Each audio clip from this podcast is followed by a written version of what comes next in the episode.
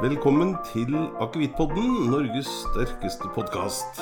Jeg heter Lars Ole Riasæter, er daglig leder i Norske Akevitters Venner. og I dag har jeg tatt med meg det omreisende podkaststudioet, og vi befinner oss i Lier, nærmere bestemt hos akevittprodusent Marius Egge på Eggegård.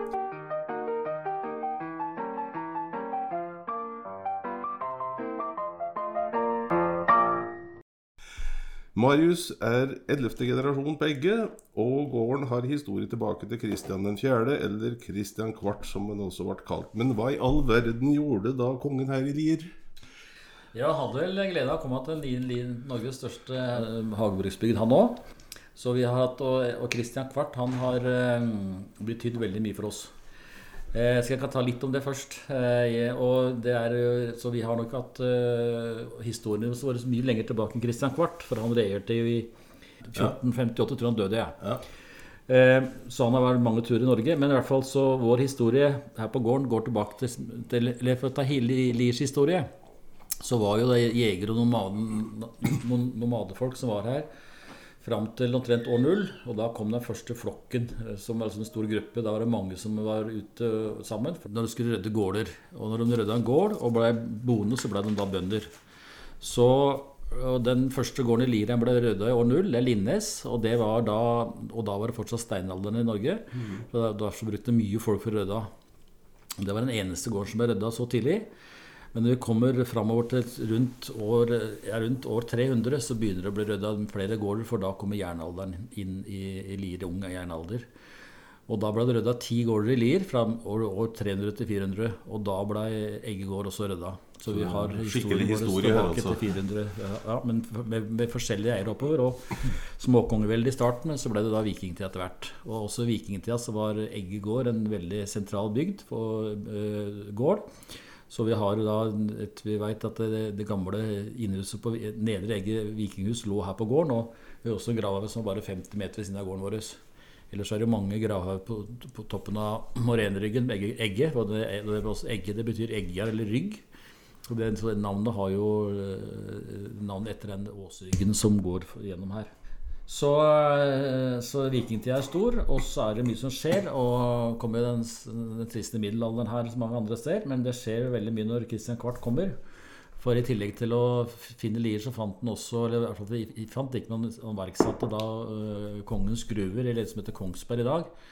Eller Kongensberg, da. Og, ja. og, mm. Kongsberg, og det, da, og det ble en veldig viktig inntektskilde for Kristian Kvart og hans folk.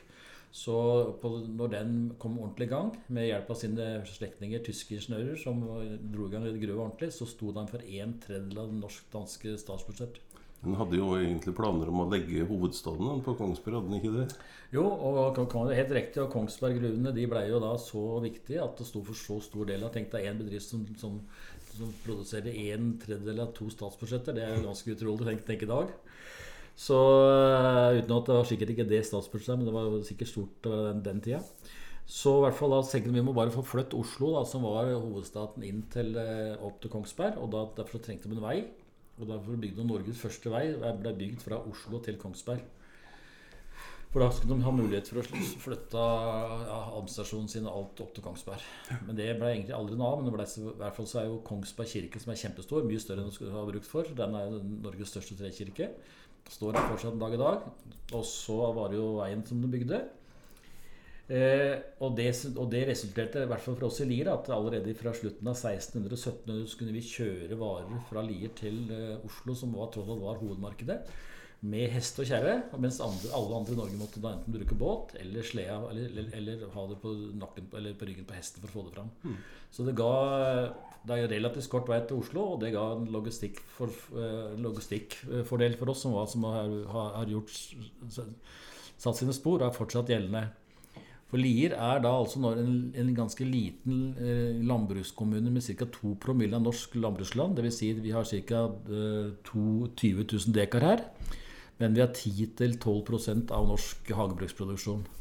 Så vi snakker om at vi har i hagebruket i Lier så har vi en verdiskapning på mellom 500 millioner og milliard kroner. Så det er ja, men da kan vi hoppe litt eh, fram i tid. For det at eh, i 1982, da overtok du gården etter slekta. Og mm. så starta du med økologisk epleproduksjon, og litt etter det eplepressing. Ja, det er eh, i og for seg riktig, ikke helt riktig. For faren min han begynte med det som heter integrert produksjon. Dvs. Si at var, da var strategien ikke verken gjødsle eller sprøyte mer enn det som er nødvendig, og særlig det med plante- og middelbruken. Det var det mange som eh, reagerte på, for da var det, da var det plan, da hadde vi sprøyteplaner. Frukta var i 60- og 70-åra sprøyta det opptil tolv ganger med ganske farlige insekter, insektmidler. Så både insekter og svaler og småfugl var, var borte fra fruktgården, for det var rett og slett sprøytehæl. Dette var ikke bra i det hele tatt. Så det var noen som begynte å reagere på det, og da kom den, den tankegangen i, i, i, gang. Og blant annet min far var mann på dette, også, og han som var motoren i Norge, en kar som heter Torgeir Edland, som også da hadde jobba litt med dr. Steiner som Downerskolen, som tenkte de samme tankene. Og dette er jo den måten som vi driver på i dag. Mm. For alt dette forferdelige plantevernbruken er jo borte av historie, heldigvis. Og nå bruker vi minimalt. Jeg, men jeg så at det gikk veldig bra. Og da, så i 1982, nei, 1997 tok jeg skrittet ut og la om frukta vår til økologisk styrking. Da visste jeg at vi hadde, ville få en del epler som var mer, eller noen mer tonn epler som var litt skadd, som ikke kunne kanskje selges i konsummarkedet, men som vi kunne lage drikkevarer av.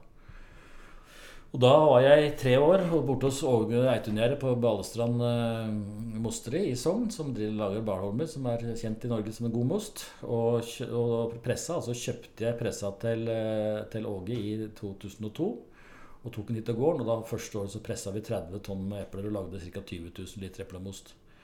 I 2015 pressa vi 100 1266 tonn med epler. Lagde nesten en million liter med eplemost. Så det har vært en ganske frisk eh, økning, for å si det sånn. Ja. Eh, I 2005 så skjedde det også litt, for det at da ble mm, alkoholloven endra. Og produksjonsmonopolet for brennevin i Norge, som da hadde vært tillagt eh, Vinmonopolet og deretter Arcus, det ble endra sånn at andre kunne søke. Og da var du relativt kjapt på plass. Ja da, der var vi Og det hadde jo litt utspring av det. var at Når du har eplemost, så hvis du ikke er rask nok, så har du sider uansett. Så det er liksom det, Og det er mye most som har blitt sider her uten at du egentlig var planlagt heller. Men da er det fint hvis du også kan lage sider, for da kan du, hvis det begynner å gjøre det, da, du ikke rekker å tappe det fort nok og få pasteurisert som vi gjør, så kan du bruke det til sider. Og hvis det ikke blir veldig godt, så kan du også bruke det til eplebrennevin. Så dette henger jo nøye sammen. Så vi var da den første gården, eller landbrukseiendommen, som fikk live til å, til å produsere alkohol Norge. Så var det mm. Puntervoll nede på Agder Brenneri, som nå heter Det Norske Brenneri, som var førstemann. Mm. Noen eh, dager før oss til å få liven sin. Så vi, var, vi ble tatt på oppløpssida. ja, du, du, nevnte eplebrennevin, så det, det, var jo noe dere starta med i 2006. Og mm. Eh, året etter så var du tydeligvis i Frankrike en tur og skaffa det utstyr, som de sier. Altså det som heter alambic à colonne. Dvs. Si samme, samme panna eller brennevinskjelen som benyttes i Calados-regionen i Normandie. Ja, og Armagnac. Og Armagnac. Ja. Det stemmer. og da vi, da lagde vi sider, eh, sider på høsten 2005 eh, etter at vi fikk live til det. Og så var vi jo litt usikre på hvordan dette ville smake. Derfor så tok jeg kontakt med Halvard Høek. Så da tok han og destillerte de første 2000 literne våre tenker jeg med sider inne på Arcus. Og vi fant ut at det ble et produkt som var godt rekkende og friskt, fin fruktsmak. Så de, de, tenkte jo dette må du kunne lage noe godt ut av. Og så tok vi det hjem og la det på fat. Og så det, det utvikla seg fint, så da la, kjøpte vi et, et Alabuc de Colombe fra Frankrike da, i 2006. Mm. Ellers så er det jo akevitt, uh, i hvert fall denne tida her før jul, som veldig mange er interessert i. Og uh, ja, det gikk litt tid, men i 2012 da begynte du å produsere akevitt. Ja, det stemmer. Og det vi ser, og det, og det, er fortsatt sånn at dessverre så er det jo ikke, ja, dessverre så blir det jo, blir det jo solgt mange hundre tusen liter med konjakk. Gjerne litt godt neddroppa med farvestoffer og, og, sukker, som i Norge, som er kjempesvært konjakkmarked. Det er vel svært få som selger så mye konjakk per capita som Norge gjør. Eh, mens eh, Calvados er veldig ukjent i Norge. Det er veldig få. Jeg tror i hvert fall når vi starta opp, så var eh, salget av Calvados ca. 20 000-22 000 liter. Så det var jo veldig lite. Men de som smaker på Calvados og begynner å få smak på det, de runder som regel av konjakken, og så fortsetter de med Calvados. Ja. Og vi ser jo det at eh, franskmennene sjøl de eh, drikker opp mesteparten av Calvados, og så sender de konjakken av gårde. Så det er liksom strategien der. Så vi tenkte jo det at det, her må vi ta tak i Norge og så få til norsk god, godt eplebrennevin. Og det gjorde vi, og vi har gitt seg solgt greit.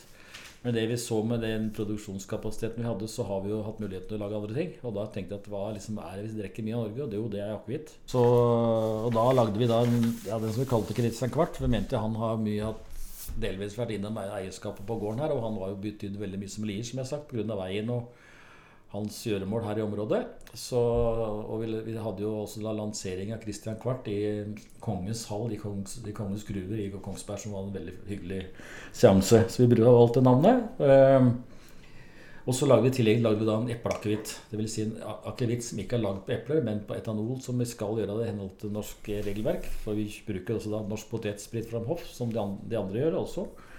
Og, men vi da lagde en som vi tilsatte en del eplemost i. For når vi lagrer akevitten vår på 60% som de også de fleste andre, og så blander vi ned til 40, og da bruker vi noe eple, lireple i tillegg til det flotte vannet vi bruker.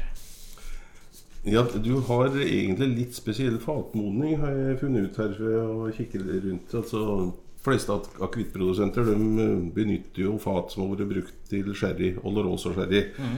Men du benytter også fat som har vært brukt til sherry, men av en annen type. Pedro Iminez eller PX. Ja. Uh, hvorfor det?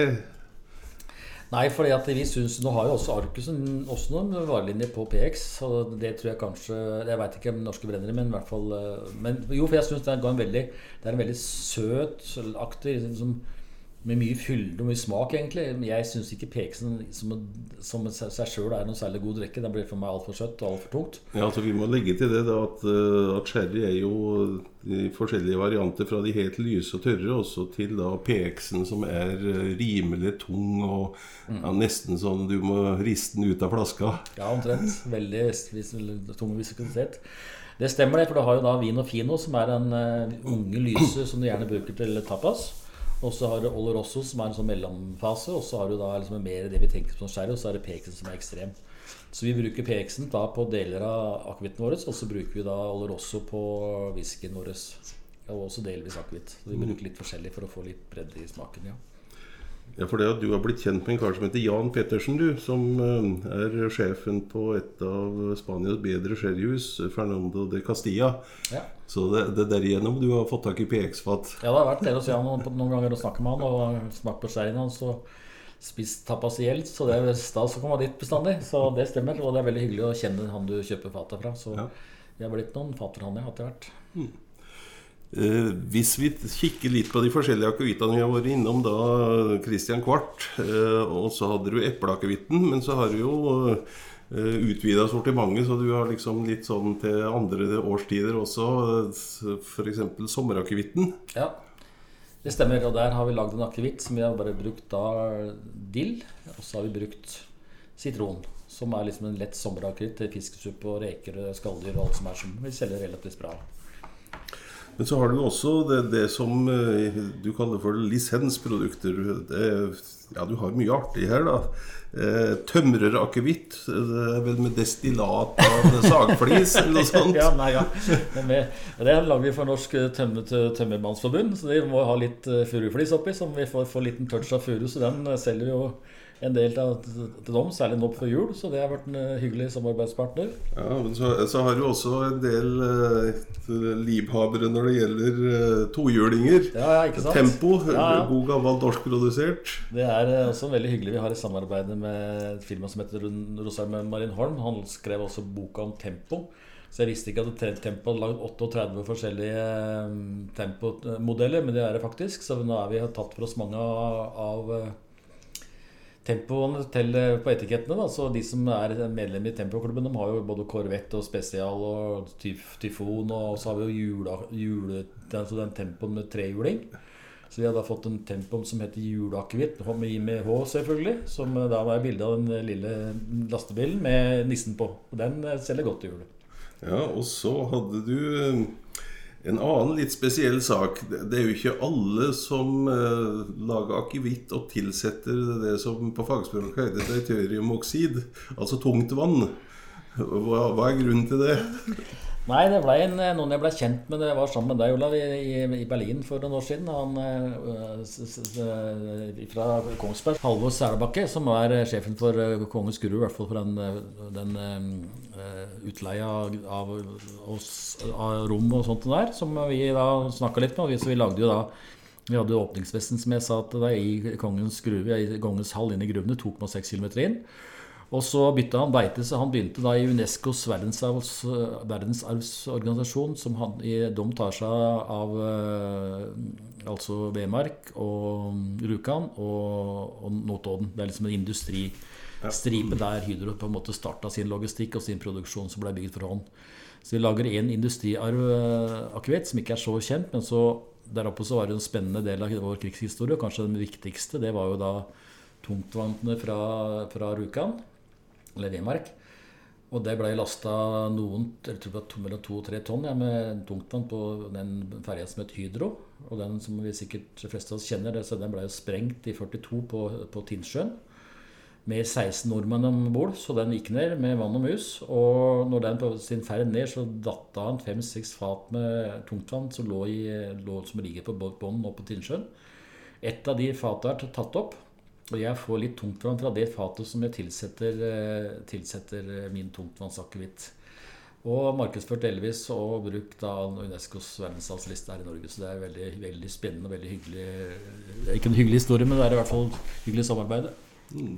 Du har jo også et godt alkoholfritt alternativ nå ved juletider. Du har produsert julebrus som ikke er som de andre julebrusene. Nei, vi liker å gjøre ting på vår måte, så vi har jo da lagd en julebrus. Og den istedenfor å være proppfull av, av sukker og sånn kjemicocktail, så lager vi vår julebrus bare på eple, på blåbær og bringebær og litt plomme. Så den er full av det mennesket trenger, og ikke alt det som ikke trenger.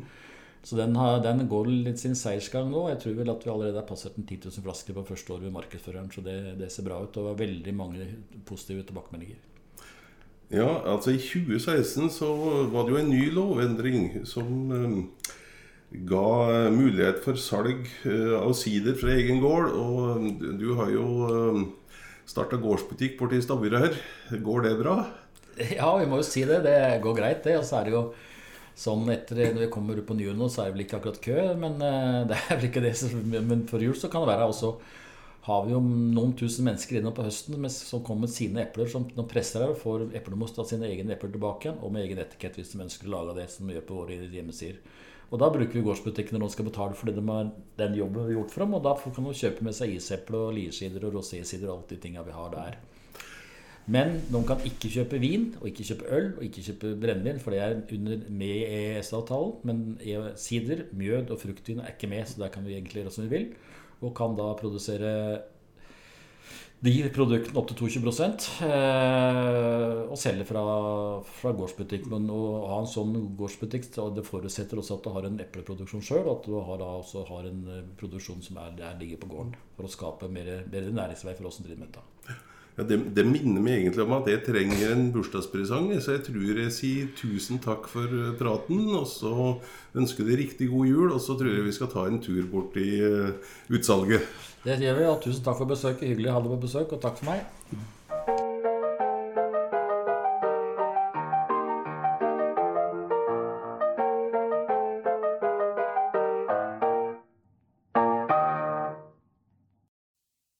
Akevitters Venner som lager denne podkasten. Hvis du har spørsmål eller tilbakemeldinger, så vil vi veldig gjerne høre fra deg. Send en e-post til post alfakrøll norsk-akevitt.org.